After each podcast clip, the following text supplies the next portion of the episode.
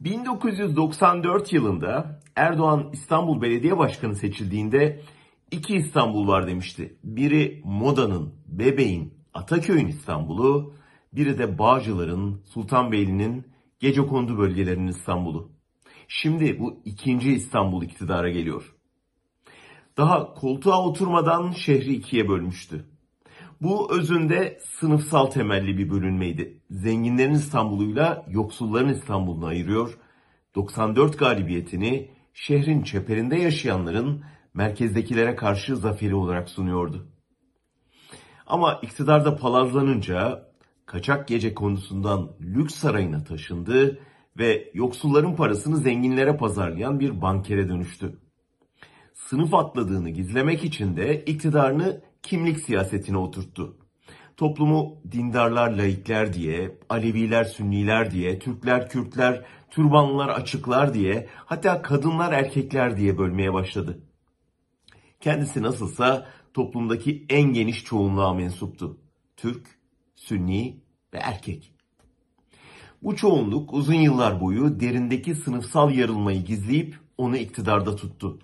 Böl ve yönet taktiğinin tadını almıştı artık. Son 10 yılda kutuplaşmayı düşmanlaştırmaya dönüştürerek, öteki kimliklere karşı cadı avları örgütleyerek seçim üstüne seçim kazandı ve kendi baskı rejimini kurdu. Toplumsal dönüşümü en iyi okuyan araştırmacılardan Bekir Ağırdır, Oksijen gazetesindeki son yazısında nihayet bu kimlik siyasetinin sonuna yaklaştığımızı müjdeliyor. Kutuplaşma buzunun yoksullaşmanın ateşinde erimeye başladığını teşhis ediyor. Toplumsal fay hatlarında müthiş bir enerji birikmesi var. Yeniden sınıfsal kutuplaşma yükseliyor diyor.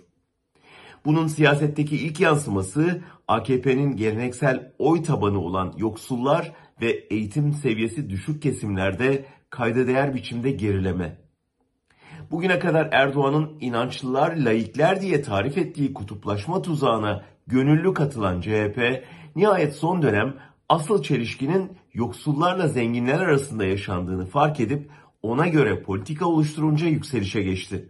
Çünkü yoksulluk türbanları da, Kürtleri de, laikleri de kuşatan en geniş ortak paydaya dönüşmüştü. Şimdi muhalefete düşen, rant partisi haline gelen AKP'den kaçan yoksulları cezbedebilmek için Erdoğan'ın imha ettiği sosyal politikaları yeniden gündeme sokmak, yaraları sarmayı, dışlananları kucaklamayı, daha çok eşitlik ve adalet için çalışmayı vaat etmektir.